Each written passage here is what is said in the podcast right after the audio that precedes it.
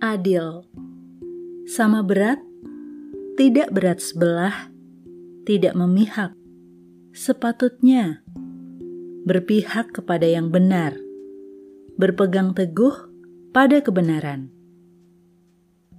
Di dunia ini masih sulit mendapat keadilan, bahkan pada institusi yang seharusnya menjunjung tinggi keadilan. Bisakah kita berharap pada manusia yang hanya bisa melihat yang kelihatan?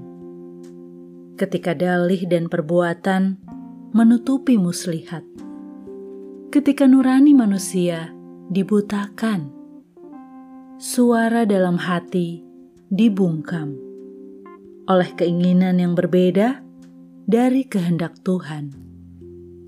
Tetap lakukan kebenaran meski dunia sering tak berpihak, sebab ada sepasang mata yang tak terlihat namun melihat, dan akan memberi keadilan sejati pada akhirnya.